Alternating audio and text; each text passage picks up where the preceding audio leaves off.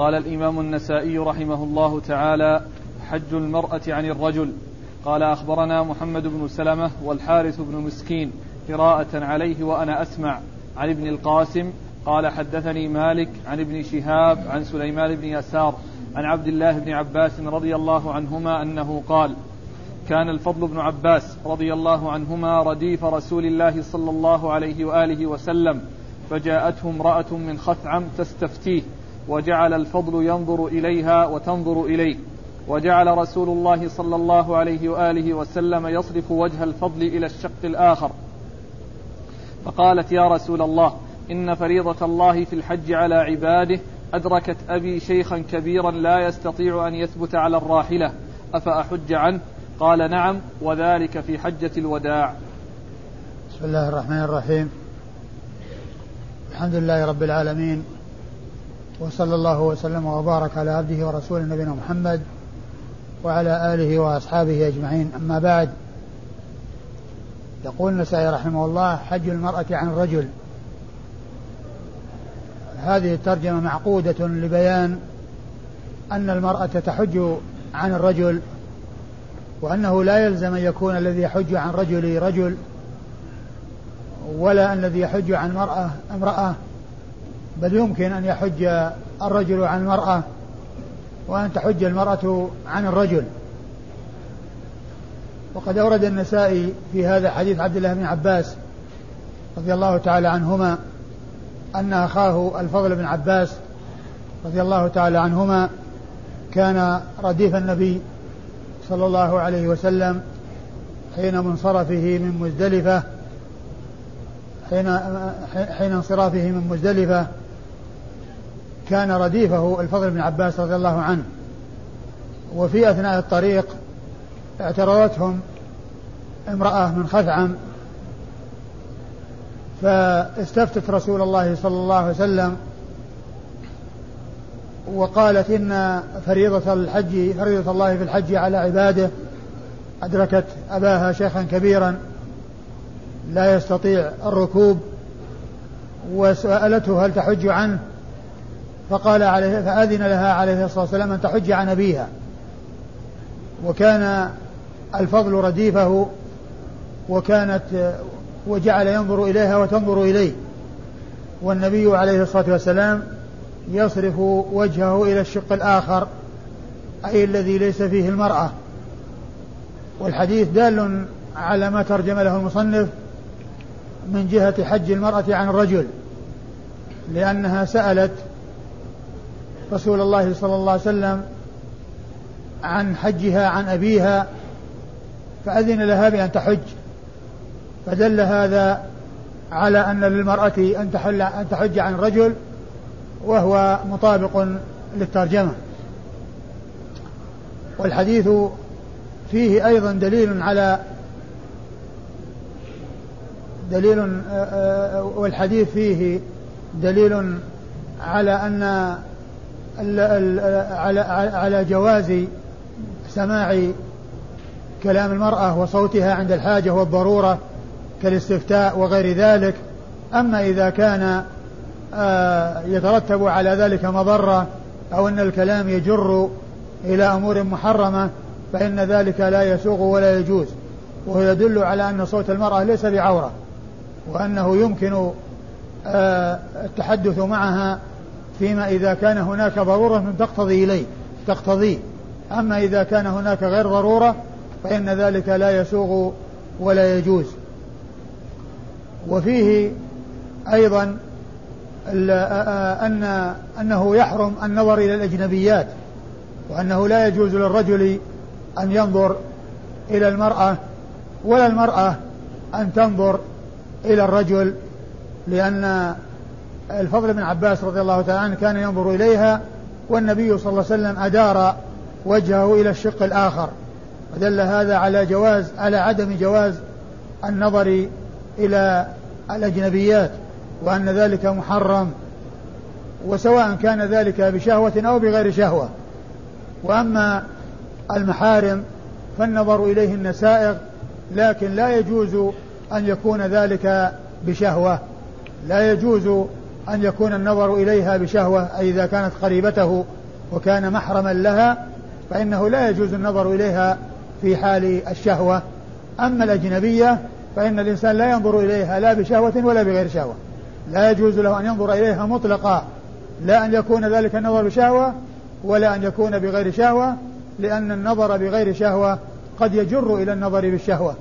قد يجل يجر إلى أن يكون ذلك شهوة بشهوة. وأن يكون مع المداومة حصول الشهوة وتحرك النفس للأمر المحرم الذي لا يسوغ ولا يجوز.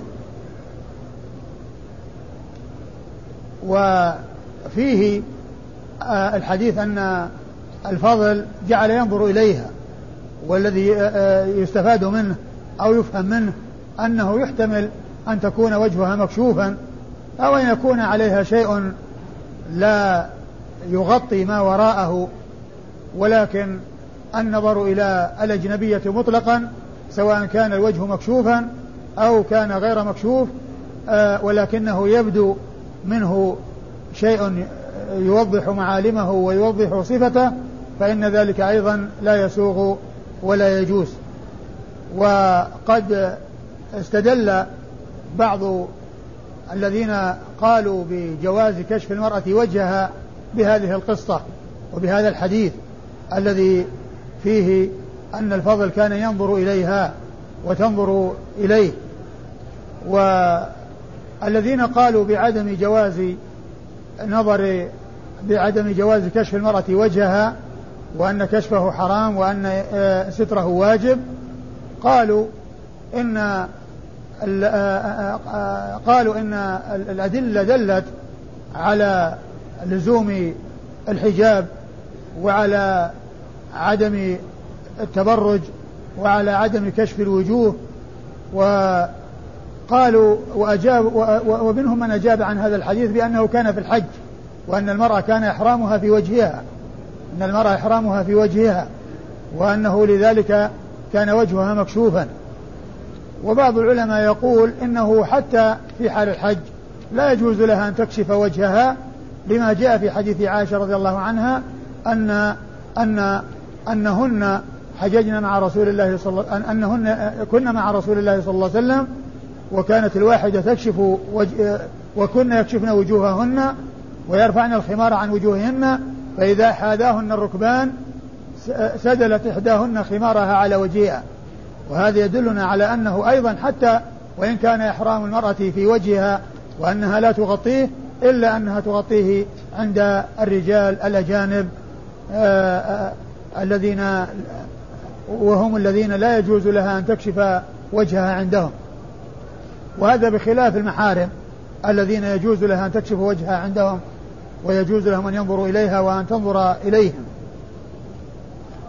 وقد ومما يوضح أن كشف المرأة عن وجهها أن فيه أضرار كبيرة وأنه محرم وأن الشريعة لم تأتي به وإنما جاءت بمنعه من أوضح الأدلة الدالة على ذلك أن السنة جاءت بأن المرأة تغطي رجليها وأنها ترخي آآ آآ ترخي ثوبها وراءها بشبر أو أكثر من أو ذراع وإذا كان هذا في, في بالنسبة للرجلين وأنه أريد أو جاءت الشريعة بسترهما وتغطية الرجلين وأنه يجوز أن تجر الثياب بسبب ذلك فمن باب أولى أن يكون الوجه يحتاج إلى تغطية لأن الفتنة في الوجه أعظم من الفتنة في الرجلين.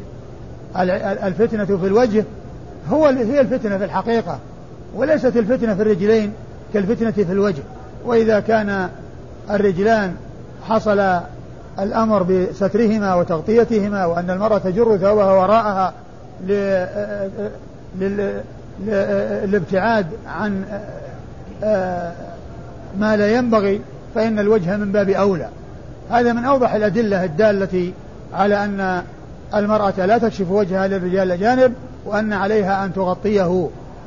ومن المعلوم أن كشف الوجوه في حق النساء يترتب عليه من المفاسد العظيمة التي لا يعلم مداها إلا الله عز وجل. ومن المعلوم أن البلاد التي كانت ابتليت بهذا حصل لها بسبب ذلك التوسع والانغماس في الأمور المحرمة بل تبذلت النساء وتكشفت وتعرت والرجال آه، أسبلوا ثيابهم ولا لا يبدون ثيابهم بل يغطونها. وأما النساء فإنها آه، تكشف عن سوقها وعن بعض أفخاذها وعن صدورها. هذا هو الذي حصل. ولا شك أن نتيجته ومن أسبابه التساهل والتهاون في كشف الوجه. لأنه إذا حصل كشف الوجه ذهب الحياء وقل الحياء وزاد الطين بلة وزاد الشر. شرورا وحصل أضرار كثيرة لا يعلم مداها إلا الله سبحانه وتعالى. و ال ال ال تقرأ المتن. قال كان الفضل بن عباس رديف رسول الله صلى الله عليه وآله وسلم. ثم فيه أرداء الإرداف على الدابة إذا كانت مطيقة. يجوز الإرداف على الدابة إذا كانت مطيقة. لأن النبي صلى الله عليه وسلم كان مردفا للفضل بن عباس. وفيه عظم مكانة الفضل بن عباس وعظم منزلته عند الرسول صلى الله عليه وسلم حيث حظي بالركوب معه. وقد وكان هذا بالانصراف من مزدلفة. وأما بالانصراف من عرفة فكان الذي رديفه أسامة بن زيد رضي الله تعالى عنه. من عرفة إلى مزدلفة كان رديفه أسامة بن زيد ومن آه، مزدلفة إلى منى كان رديفه الفضل بن العباس وهو دال على منزلته وعلى آه، آه، تقريب النبي صلى الله عليه وسلم إياه وكذلك أيضا دال على جواز الإرداف على الدابة إذا كانت مطيقة نعم. فجاءته امرأة من خثعم تستفتيه وجعل الفضل ينظر إليها وتنظر إليه وفيه وفيه سؤال النساء واستفتائهن وحصول ذلك منهن للرجال مباشرة وأن ذلك سائغ عند الحاجة بشرط ألا يحصل منهن ما لا يسوغ وما لا يجوز وأن يكون آآ آآ كلام المرأة مع الرجال في حدود الأمور الضرورية التي لا بد منها وألا يستهان بذلك ويتوسع في ذلك لأن الكلام يجر إلى الضحك والضحك يجر إلى التواعد على الشر وما إلى ذلك ولكن الجواز أي جواز الكلام مع الأجانب إنما هو في حدود آه، الضرورة وما تقتضيه الحاجة التي لا بد منها وإذا كان ذلك لغير حاجة فإن ذلك لا يسوغ ولا يجوز لا يجوز التحدث مع النساء إلا لضرورة. أيوة. وجعل رسول الله صلى الله عليه وآله وسلم يصرف وجه الفضل إلى الشق الآخر. وفي هذا إنكار المنكر بالفعل لأن النبي عليه الصلاة والسلام وهو يتحدث معها أدار رأس الفضل بيده حتى تحول إلى الشق الآخر. وهذا إنكار المنكر وهذا فيه إنكار المنكر. فإنكار المنكر يكون بالقول ويكون بالفعل يكون بالقول ويكون بالفعل وهذا من إنكار المنكر بالفعل لأن الرسول صلى الله عليه وسلم أدار رأسه من جهة إلى جهة. فقالت يا رسول الله إن فريضة الله في الحج على عباده أدركت أبي شيخا كبيرا لا يستطيع أن يثبت على الراحلة. أفأحج عنه؟ قال نعم وذلك في حجة الوداع. وفي هذا الحديث دليل على أن القدرة ليست مقيدة بالزاد والراحلة وقوة المال بل أيضا آه، قوة البدن فإنه مع آه، صعوبة أو مع عدم قدرة الإنسان على الحركة والانتقال فإنه يحج عنه ولا يسقط عنه الحج. وإذا كان صاحب مال فعليه أن يحجج عن نفسه. إذا كان لا يستطيع الانتقال ولا يستطيع الحركة لأن لأنه لو كان الأمر يعني إذا كان لعجزه وعدم قدرته على الحركة لا يلزمه لقال الرسول صلى الله عليه وسلم إنه لا حج عليه ما دام أنه وصل إلى هذا الحد وأنه لا يقدر فالحج ساقط عنه فلا حاجة إلى أن إلى أن يحج عنه. فهذا يدل على أن على أن أن, أن الإنسان مع صحة بدنه يجب عليه الحج إذا استطاع. الزاد والراحلة والسبيل إلى ذلك وأن الإنسان إذا كان آه، غير قادر ببدنه فلا يسقط الحج عنه بل إن كان غنيا فإنه ينيب عنه من يحج عنه أو يحج عنه. من يقوم بذلك متبرعا إذا كان هناك بعض أقاربه الذين يرون أو الذين يريدون أن يحسنوا إليه وأن يقوموا بأداء هذا العمل عنه. آه ثم أيضا آه, آه، استدل بالحديث بعض أهل العلم على أن حج الغير عن الغير إنما يكون في حق الولد يحج عن الوالد وأن غير الولد لا يحج عن لا يحج وأن غير الولد لا يحج. وقد قال الحافظ بن حجر إن هذا جمود. إن هذا جمود على ما ورد به النص في هذه المسألة وقد جاء في بعض الأحاديث ما يدل على أنه يحج غير الإبن وذلك في حديث قصة الرجل الذي كان يلبي ويقول لبيك عن شبرمة فسأله الرسول صلى الله عليه وسلم أحججت عن نفسك؟ قال لا. قال حج عن نفسك ثم حج عن شبرمة. فدل هذا وقد سأله عن شبرمة من هو قال أخ لي أو قريب لي أخ لي أو قريب. فهذا ليس أب ليس أبا له وإنما هو أخ أو قريب. وهذا يدلنا على أنه يمكن الحج حج القريب عن القريب بل ويمكن حج البعيد عن غيره لأنه ما دام النيابة ثبتت وأنها وجدت وأن هذا مما تدخله النيابة فيمكن أن ينوب القريب والبعيد ولا يتقيد ذلك بأب ولا بغيره. يعني بأن يكون المحجوج عنه الذي يحج ابن عن أب بل الأمر في ذلك واسع. يحج ابن عن أب أو أو قريب عن قريب أو أخ عن أخ أو بعيد عن بعيد منه في النسب. ولكن أخوة الإسلام وقرابة الإسلام هي التي تدفع إلى ذلك وهي التي آه، تسوق إلى ذلك. ثم بعض أهل العلم استدل بإطلاق الحديث على وكذلك في غيره من الأحاديث أن الإنسان يمكن أن يحج عن غيره وإن لم يحج عن نفسه. وهذا ليس بصحيح لأن حديث شبرمة أو قصة شبرمة الحديث الذي فيه الذي أشرت إليه يدل على أن الإنسان لا يحج عن نفسه عن غيره إلا إذا حج عن نفسه. وكذلك لا يعتمر عن نفسه عن غيره إلا إذا اعتمر عن نفسه. وأن من شرط النائب الذي ينوب عن الغير في الحج أو العمرة أن يكون أدى الفرض في الحج والعمرة عن نفسه. وأنه إن لم يؤده فإنه يبدأ بنفسه أولا ثم بعد ذلك يمكنه أن يحج عن غيره تطوعا عن نفسه تطوعا وأن يحج عن غيره سواء كان ذلك عن فرض أو عن آه، أو عن تطوع. وكان هذا في حجة الوداع.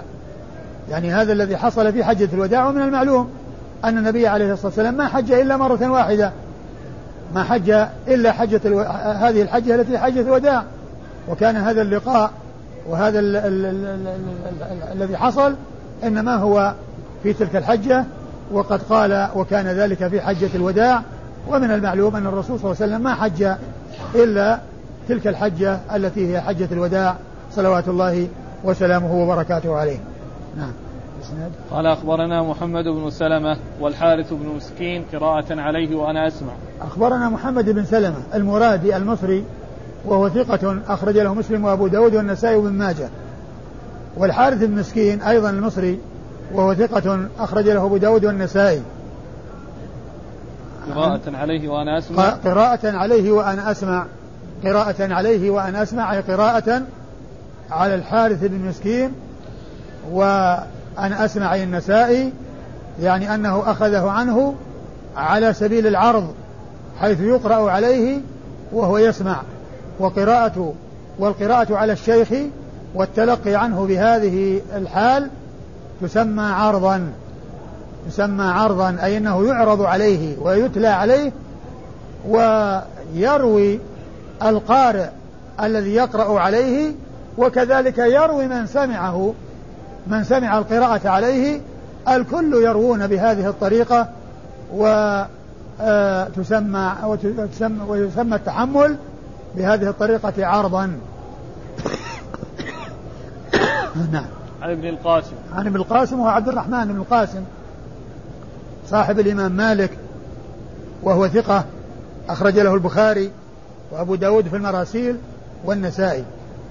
عن مالك. عن مالك بن أنس إمام دار الهجرة المحدث الفقيه الإمام المشهور وهو آه، وهو آه، صاحب آه، أحد أصحاب المذاهب الأربعة المشهورة من مذاهب أهل السنة وكان محدثا فقيها وإماما عظيما. وقال عنه الحافظ بن حجر كبير رأس المتقنين وكبير المثبتين أو المثبتين فهو عال المنزلة ورفيع المنزلة رحمة الله عليه وحديثه أخرجه أصحاب الكتب الستة. عن ابن شهاب. عن ابن شهاب وهو الزهري محمد بن مسلم بن عبيد الله الزهري ثقة فقيه مكثر من رواية حديث رسول الله صلى الله عليه وسلم وحديثه أخرجه أصحاب الكتب الستة. عن سليمان بن يسار. عن سليمان بن يسار وهو آه، أحد الفقهاء السبعة في المدينة في عصر التابعين وهو ثقة أخرج حديثه أصحاب الكتب الستة. عن ابن عباس عبد الله بن عباس بن عبد المطلب ابن عم النبي صلى الله عليه وسلم وأحد السبعة المعروفين بكثرة الحديث عن النبي عليه الصلاة والسلام وأحد العبادلة الأربعة من أصحابه الكرام رضي الله تعالى عنهم. وأرضاهم قال أخبرنا أبو داود قال حدثنا يعقوب بن إبراهيم قال وهذا وهذا الحديث مما تحمله آه، آه، ابن عباس آه، إما كون يعتبر من من من مرسل مرسل الصحابي إما أن يكون أخذه عن أخيه أو من غير أخيه لأنه ما كان معهم عند الانصراف من مزدلفة لأنه ممن أذن له في الذهاب في آخر الليل مع النساء الذين أذن لهن في الانصراف من مزدلفة إلى منى. والقصة إنما كانت والرسول صلى الله عليه وسلم منصرف من مزدلفة إلى منى وابن عباس لم يكن معه اللي هو عبد الله بن عباس. وإذا فهذا الحديث الذي حدث به ما كان موجودا وما كان مشاهدا ولكنه أخذه عن غيره وسمعه عن غيره من الصحابة فهو من مراسيل الصحابة. نعم. قال أخبرنا أبو داود قال حدثنا يعقوب بن إبراهيم قال حدثنا أبي عن صالح بن كيسان عن ابن شهاب أن سليمان بن يسار أخبره أن ابن عباس رضي الله عنهما أخبره أن امرأة من خثعم استفتت رسول الله صلى الله عليه وآله وسلم في حجة الوداع. والفضل بن عباس رديف رسول الله صلى الله عليه وآله وسلم. فقالت يا رسول الله إن فريضة الله في الحج على عباده أدركت أبي شيخا كبيرا لا يستوي على الراحلة فهل يقضي عنه أن أحج عنه؟ فقال لها رسول الله صلى الله عليه وآله وسلم نعم. فأخذ الفضل بن عباس يلتفت إليها وكانت امرأة حسناء. وأخذ رسول الله صلى الله عليه وآله وسلم الفضل فحول وجهه من الشق الآخر. ثم ورد النسائي حديث ابن عباس من طريق أخرى وهو مثل الذي قبله ودال على ما دل عليه الذي قبله وهو آه، أورده كما أورد غيره من الحديث تحت ترجمة حج المرأة عن الرجل. وأما إسناده فيقول أخبرنا أبو داود وهو سليمان بن سيف الحراني وهو ثقة أخرج حديثه النسائي وحده. عن يعقوب بن إبراهيم. عن يعقوب بن إبراهيم بن سعد وهو ثقة أخرج حديثه أصحاب الكتب الستة. عن أبيه. عن أبيه إبراهيم بن سعد آه ابن عبد الرحمن بن عوف وهو ثقة أخرج حديثه أصحاب الكتب الستة. عن صالح بن كيسان. عن صالح بن كيسان المدني وهو ثقة أخرج حديثه أصحاب الكتب الستة أيضا. عن ابن شهاب. عن ابن شهاب عن, عن سليمان. بن يسار عن ابن عباس وقد مر ذكرهم. قال حج الرجل عن المرأة. قال أخبرنا أحمد بن سليمان. قال حدثنا يزيد وهو ابن هارون. قال أخبرنا هشام عن محمد عن يحيى بن أبي إسحاق عن سليمان بن يسار عن الفضل بن عباس رضي الله عنهما أنه كان رديف النبي صلى الله عليه وآله وسلم فجاءه رجل فقال يا رسول الله إن أمي عجوز كبيرة وإن حملتها لم, لم تستمسك. وإن ربطتها خشيت أن أقتلها. فقال رسول الله صلى الله عليه وآله وسلم أرأيت لو كان على أمك دين أكنت قاضية؟ قال نعم. قال فحج عن أمك. ثم ورد النسائي هذه الترجمة هي حج الرجل عن المرأة. حج الرجل عن المرأة. وأورد في حديث الفضل بن عباس وأن رجلا جاء وسأل النبي صلى الله عليه وسلم عن أمه أنها لا تستطيع السفر وأستأذنه أن يحج عنها. فأذن له وقال أرأيت لو كان على أمك دين كنت قاضيه عنها قاضيه عنها؟ قال نعم قال فحج عن أمك. والحديث هنا عن الفضل بن عباس. والحديث الذي مر عن ابن عباس والذي سأل امرأة في حديث ابن عباس المتقدم. وهنا السائل رجل وهنا السائل رجل والمسؤول عنه امرأة. وقد ذكر الحافظ بن حجر في فتح الباري أنه قال يتحصل من مجموع الأحاديث الواردة في ذلك أن المرأة الخثعمية كان معها أبوها وأن وأنها سألت رسول الله صلى الله عليه وسلم عن الحج عن أبيها والمقصود من ذلك جدها وليس وأبوها كان معها وأن أباها سأل أيضا عن الحج عن أمه وعن أبيه فجاءت تلك الروايات المتفرقة فيها ذكر حج المرأة استفتاء حج الرجل عن المرأة والمرأة عن رجل. قال فيكون يتحصل من مجموع هذه الروايات أن الأمر أن الاستفتاء حصل من المرأة ومن أبيها وأن أباها كان معها وأنه حصل الاستفتاء منها ومنه هو أيضا.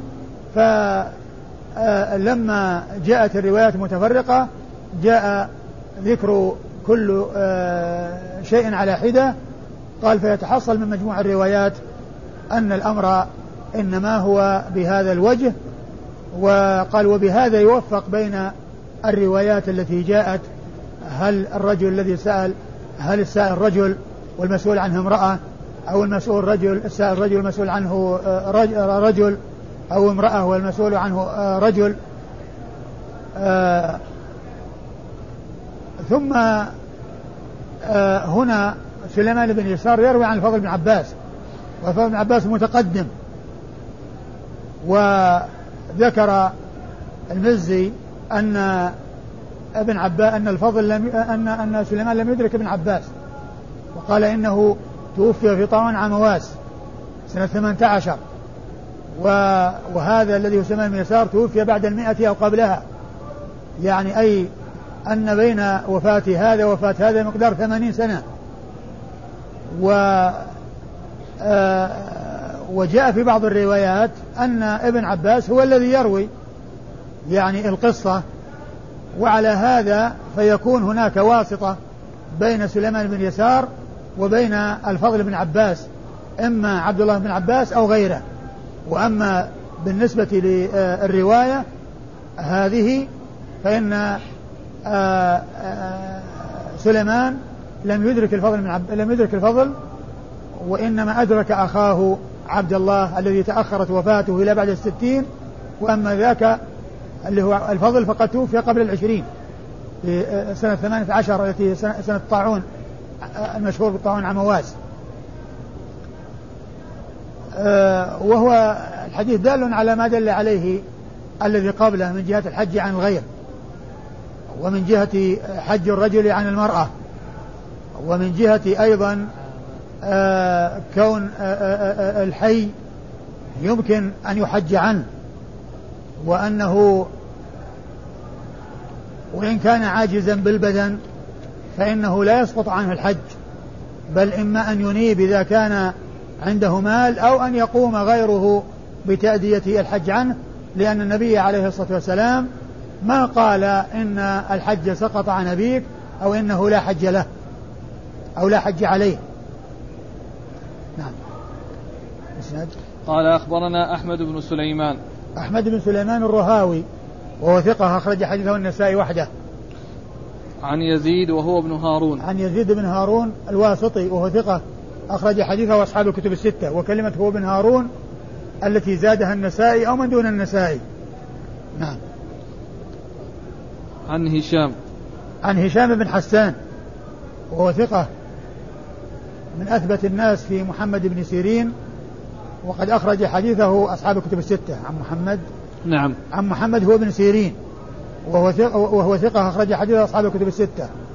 عن سليمان بن يسار. عن عن يحيى بن أبي إسحاق. عن يحيى بن أبي إسحاق وهو صدوق يخطئ صدوق ربما أخطأ وحديثه أخرجه أصحاب الكتب الستة. عن سليمان. نعم.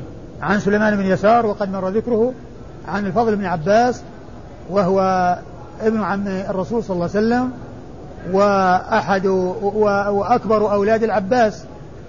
وهو ويكنى به يقال له أبو الفضل ولبابة بنت الحارث الهلالية تكنى به أيضا فهو أكبر ولدها وأكبر ولده فالعباس يقال له أبو الفضل ولبابة بنت الحارث الهلالية يقال لها أم الفضل وهي التي آه، آه، بينت للناس أن الرسول صلى الله عليه وسلم ما كان صائما يوم عرفة حيث أخذت قدحا وأرسلته إليه فشرب وهو على راحلته والناس يرون فعلموا أنه غير صائم يوم عرفة وهو في عرفة. والحديث فيها أن أم الفضل. قالت أنا أبين لكم فالفضل بن عباس هو أكبر أولاد العباس وبه وكان العباس به يكنى وكذلك لبابة بنت الحارث الهلالية الهلالية أخت المؤمنين ميمونة به تكنى أيضا. وحديث أخرج أصحاب الكتب. حديثه الفضل نعم. وحديثه أخرجه أصحاب الكتب الستة. نعم. قال ما يستحب أن يحج عن الرجل أكبر ولده. قال أخبرنا يعقوب بن إبراهيم الدورقي قال حدثنا عبد الرحمن عن سفيان عن منصور عن مجاهد عن يوسف عن ابن الزبير رضي الله عنهما أن النبي صلى الله عليه وآله وسلم قال لرجل أنت أكبر ولد أبيك فحج عنه. ثم أورد النسائي ما يستحب أن يحج عن الرجل أكبر ولده. لأن الولد الأكبر هو الأولى والأحق بأن يبادر إلى البر وأن يكون غيره تبعا له لا أن يكون تبعا لغيره ممن هو دونه. فهو الأحق وهو الأولى بأن يبادر إلى ذلك وأن يحصل منه ذلك. وقد مر الحديث وفيه أن الرسول صلى الله عليه وسلم أن رجلا سأل آه، الرسول عن الحج عن أبيه وقال أنت أكبر ولد أنت أكبر ولده؟ قال نعم. فأجابه بأن يحج عنه. وليس المقصود أنه لا يحج عنه إلا أكبر الأولاد بل يمكن أن يحج عنه أي واحد من الأولاد ويحج عنه أيضا غير الأولاد. من الإخوة والأقارب وكذلك الأباعد. يمكن أن يحج عن الميت يحج عن الغير يمكن أن يحج عن الغير مطلقا. حديث من؟ هو؟ حديث الصحابي حديث ابن الزبير. نعم وأورد في حديث ابن الزبير رضي الله عنه في قصة الرجل الذي سأل الرسول صلى الله عليه وسلم والحديث سبق أن مر مطولا وهنا ورد مختصرا وفيه أن أن رجلا سأل النبي صلى الله عليه وسلم وقال أنت أكبر ولده؟ فقال نعم قال حج عنه. نعم. قال أخبرنا يعقوب بن إبراهيم الدورقي. يعقوب بن إبراهيم الدورقي ثقة أخرج حديثه أصحاب الكتب الستة بل هو شيخ لأصحاب الكتب الستة. وهو أحد الثلاثة الذين ماتوا في سنة واحدة وهم من صغار شيوخ البخاري وهم شيوخ لأصحاب الكتب الستة. وهم محمد محمد بن بشار ومحمد بن المثنى ويعقوب بن إبراهيم الدورقي. هذا إذ كانت وفاة الثلاثة في سنة 52 و200 أي قبل وفاة البخاري بأربع سنوات. عن عبد الرحمن. عن عبد الرحمن وهو بن مهدي وهو ثقة أخرج حديثه أصحاب الكتب الستة. عن سفيان. عن سفيان وهو الثوري سفيان بن سعيد بن مسروق الثوري ثقة ثبت فقيه وصف بأنه أمير المؤمنين في الحديث وحديثه أخرجه أصحاب الكتب الستة. عن منصور. عن منصور بن معتمر الكوفي وهو ثقة أخرج حديثه أصحاب الكتب الستة. عن مجاهد. عن مجاهد بن جبر المكي وهو ثقة أخرج حديثه أصحاب الكتب الستة. عن يوسف بن الزبير مولى آل الزبير المكي وهو مقبول أخرج حديثه النسائي وحده. عن من الزبير. عن ابن الزبير عبد الله بن الزبير ابن العوام آه، أحد العبادلة الأربعة من أصحاب رسول الله صلى الله عليه وسلم وحديثه أخرجه أصحاب الكتب الستة. قال الحج بالصغير. قال أخبرنا محمد بن المثنى قال حدثنا يحيى قال حدثنا سفيان عن محمد بن عقبة عن كريب عن ابن عباس رضي الله عنهما أن امرأة رفعت صبيا لها إلى رسول الله صلى الله عليه وآله وسلم فقالت يا رسول الله ألي هذا حج؟ قال نعم ولك أجر. ثم أورد النسائي هذه الترجمة وهي الحج بالصغير يعني كونه يحج به يحج به غيره أي وليه يحج به أبوه أو أمه أو آه، من يكون في رفقته ممن هو وال عليه فله أن يحج به. وهذا الحج إنما هو نفل له أي للحاج الذي هو صغير. ولكنه لا يكفي عن حج الإسلام بل إذا بلغ لا بد أن يحج حجة الإسلام. وهذه من المسائل التي يقال فيها أنه يصح النفل دون الفرض. يصح فيها النفل قبل الفرض. لأن الفرض لا يمكن أن يصح منه في حال الصغر. والنفل يصح منه. والنفل يصح منه في حال صغره. والحج الفرض لا يصح منه. بل عليه إذا بلغ أن يحج حجة الإسلام. وقد أورد النسائي حديث ابن عباس رضي الله عنه أن آه، أن النبي صلى الله عليه وسلم رفعت إليه امرأة صبيا يعني في يديها يعني هذا لصغره دلا على صغره وأنه شخص محمول رفعته بين يديها وقالت ألي هذا حج يا رسول الله؟ قال نعم ولك أجر. يعني له حج يعني إذا حج به ولك أجر على تحجيجك تحجيجك إياه وقيامك قيامك بما يلزم له من كونها آه تعمل له أعمال الحج وتنوي له الحج وتعامله معاملة الحجاج وتقوم بما يلزم له فإنها تؤجر على ذلك ولها أجر على قيامها بهذا العمل. لها أجر على قيامها بهذا العمل. وليس معنى ذلك أن حجه لها بل حجه له ولكنها هي مأجورة على قيامها بهذا العمل التي عملته له. وهي كونها تحج به. فالحديث دال على الحج بالصغير. وقد آه، جاء عن عدد من الصحابة آه، الحج بهم وهم صغار. والسائب بن يزيد قال حج بي مع رسول الله وأنا ابن سبع وأنا ابن سبع سنين أو ست سنين حج بي مع رسول الله وأنا ابن ست سنين أو سبع سنين. فكان آه، الصغار يحج بهم. مع النبي صلى الله عليه وسلم وهو دال على صحة الحج من الصغير وأنه يكون نفل وأن وليه يمكن أن إذا ذهب به أن يحج به وأن يكون حاجا ولا يلزمه ذلك بل لو ذهب به معه ولم يحرم له ولم يجعله متلبسا بالحج له ذلك.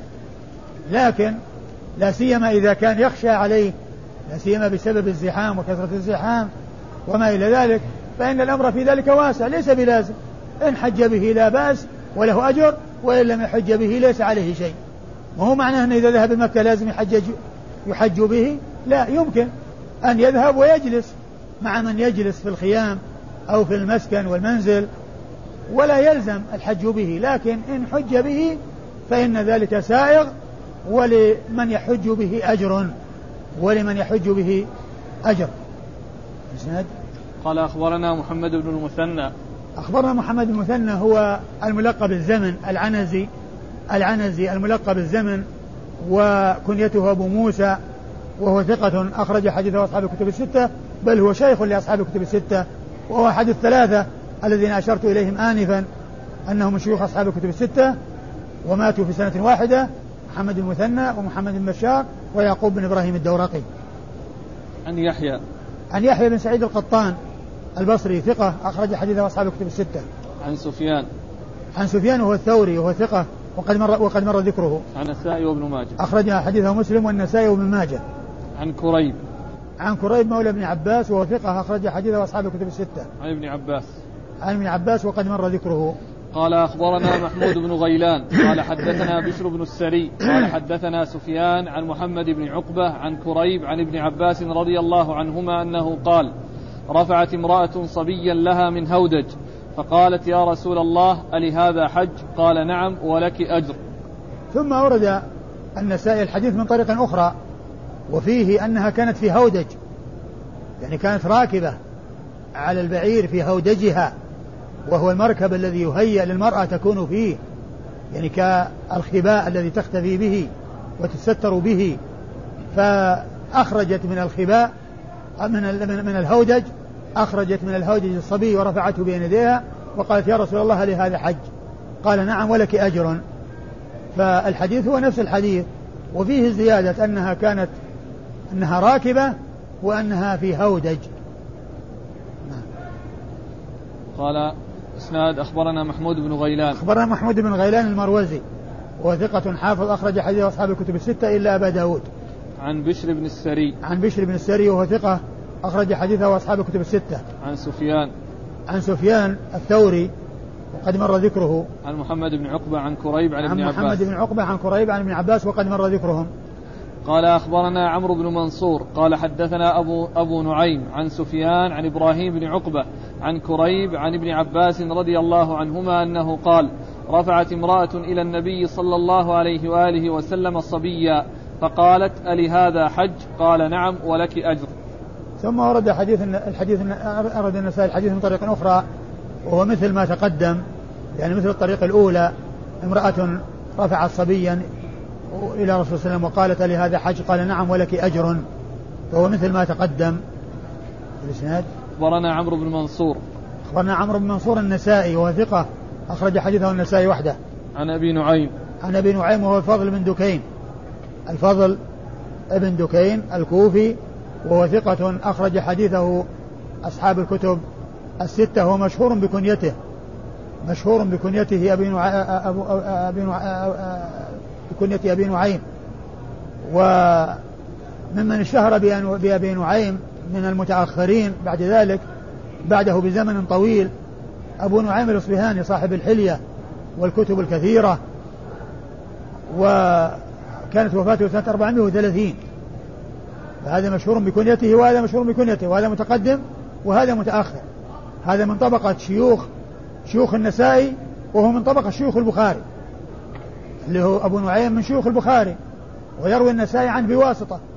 يروي عنه النسائي بواسطة وهو وقد وصف بالتشيع وأنه كان يتشيع لكن جاء عنه أنه قال ما كتبت علي الحفظة أنني سببت معاوية. وهذا يدلنا على سلامته من ذلك الذي وصف به هو التشيع. عن سفيان. عن سفيان وهو الثوري وقد مر عن إبراهيم بن عقبة. عن إبراهيم بن عقبة وهو ثقة أخرج حديثه مسلم وأبو داود والنسائي وابن ماجه. عن كريب عن ابن عباس. والإخوة وهذان وهما إبراهيم ومحمد وموسى بن عقبة المشهور صاحب المغازي. إخوة موسى بن عقبة ومحمد بن عقبة وإبراهيم بن عقبة. فهؤلاء ثلاثة إخوة وهم محدثون ومن حملة الحديث وموسى بن عقبة هو صاحب المغازي المشهور الذي يقال إن أن أن, أن مغازيه هي أصح المغازي. نعم. عن؟ عن كريب عن ابن عباس. عن كريب عن ابن عباس نعم.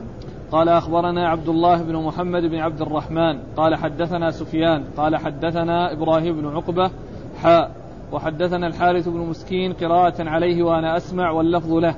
عن سفيان عن إبراهيم بن عقبة عن كريب عن ابن عباس رضي الله عنهما أنه قال صدر رسول الله صلى الله عليه وآله وسلم فلما كان بالروحاء لقي قوما فقال من أنتم؟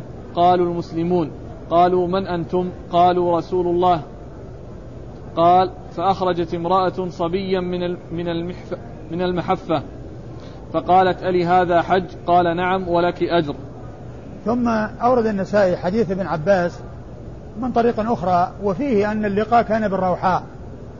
يعني هذا اللقي الذي حصل بين رسول الله صلى الله عليه وسلم ومن معه وبين هذا الركب الذين فيهم هذه المرأة. وفيه أنها أخرج صبيا من المحفة والمقصود بها الهودج المقصود بها الهودج لأنها كالرواية السابقة. يعني هنا التعبير بالهودج بالمحفة و والسابقة الرواية التعبير بالهودج. وهي بمعنى واحد. وسألت الرسول صلى الله عليه وسلم عن الصبي الذي رفعته إليه وقالت لي هذا حج؟ قال نعم ولك أجر. وفي الحديث أيضا أن أنه أنهم أنهم سألوا هؤلاء القوم من, من أنتم؟ قالوا مسلمون. وسألوا يعني الجماعة الذين فيهم رسول الله صلى الله عليه وسلم من أنتم قالوا رسول الله أي أيوة أصحابه. أي رسول الله رسول الله صلى الله عليه وسلم وأصحابه. ولما علمت بأن فيهم رسول الله صلى الله عليه وسلم رفعت إليه الصبي وسألته هل له حج؟ فأجابها بأن نعم ولها أجر على قيامها بالحج به. أيوة. قال أخبرنا عبد الله بن محمد بن عبد الرحمن. أخبرنا عبد الله بن محمد بن عبد الرحمن وهو المخرمي وهو ثقة. أخرج حديثه. أليس هو ابن المسور الزهري؟ الزهري؟ هو الزهري نعم. هو الزهري. هذا صدوق أخرج له مسلم وأصحاب السنن. صدوق أخرج له مسلم وأصحاب السنن الأربعة. يعني ينتهي نسبه إلى المسور بن مخرمة. ينتهي نسبه إلى المسور ابن مخرمة ويقال له المخرمي. وهو صدوق أخرج حديثه مسلم وأصحاب السنن الأربعة. عن سفيان. عن سفيان بن عيينة. عن سفيان هو بن عيينة وهو ثقة أخرج حديثه وأصحاب الكتب الستة. عن إبراهيم بن عقبة. عن إبراهيم بن عقبة عن حاء. عن إبراهيم بن عقبة وقد مر ذكره. ثم أتى بحاء وهي للتحول من إسناد إلى إسناد. قال حدثنا الحارث بن مسكين قراءة عليه وأنا أسمع واللفظ له. حدثنا الحارث بن مسكين قراءة عليه وأنا أسمع واللفظ له. يعني لما ذكر الطريقة الأولى ذكر الطريقة الثانية وذكر أيضا أن اللفظ الذي ذكره إنما هو إنما هو لفظ شيخه الثاني الذي هو الحارث المسكين وكان ذلك قراءة عليه وهو يسمع. قراءة عليه وهو يسمع. قال حدثنا؟ بعده؟ لا لا قال يعني وحدثنا نعم. نعم وحدثنا الحارث. حدثنا. وهذا فيه آه، دلالة على أنه يمكن أن يعبر بحدثنا وأخبرنا في ما كان عرضا وفيما كان سماعا. ولكن الغالب في الاصطلاح أن حدثنا تستعمل في السماع وأخبرنا تستعمل في العرض. ولكن تستعمل حدثنا في السماع في, في, في السماع والعرض وأخبرنا تستعمل في السماع والعرض. ومن العلماء من لا يفرق بين حدثنا وأخبرنا في الاصطلاح بل يسوي بينهما. وهذا فيه التعبير بقوله حدثنا مع أنه قراءة عليه وليس سماعا منه. نعم. عن, عن سفيان عن إبراهيم بن عقبة عن كريب عن, عن سفيان عن إبراهيم بن عقبة عن كريب عن ابن عباس وقد مر ذكرهم. قال أخبرنا سليمان بن داود بن حماد بن سعد بن أخي رشدين بن سعد أبو الربيع والحارث بن مسكين قراءة عليه وأنا أسمع. عن ابن وهب قال أخبرني مالك بن أنس عن إبراهيم بن عقبة عن كريب عن ابن عباس رضي الله عنهما أن رسول الله صلى الله عليه وآله وسلم مر بامرأة وهي في خدرها معها صبي فقالت ألي هذا حج؟ قال نعم ولك أجر. ثم أورد النسائي حديث ابن عباس من طريق أخرى. وهو مثل ما تقدم أن الرسول مر بركب أو جماعة وفيهم امرأة أخرجت صبيا من خدرها وقالت لهذا حج. قال نعم ولك أجر. والمراد بالخدر هو الهودج. المراد بالخدر الهودج أو المحفة, المحفة التي مرت في الطريقين في الطريقين الطريقين السابقتين. الطريقين السابقتين. هذا هو المقصود بالخدر وهو, وهو المراد منه. وال والإسناد؟ قال أخبرنا سليمان بن داود بن حماد بن سعد بن أخي سليمان بن داود هو أبو الربيع بن أخي رشدين بن سعد وهو ثقة. نعم أخرج له أبو داود والنسائي. وهو ثقة أخرج له أبو داود والنسائي. وفي هذا آه، كما هو معلوم أن أن الراوي يصف يذكر شيخه بما يريد.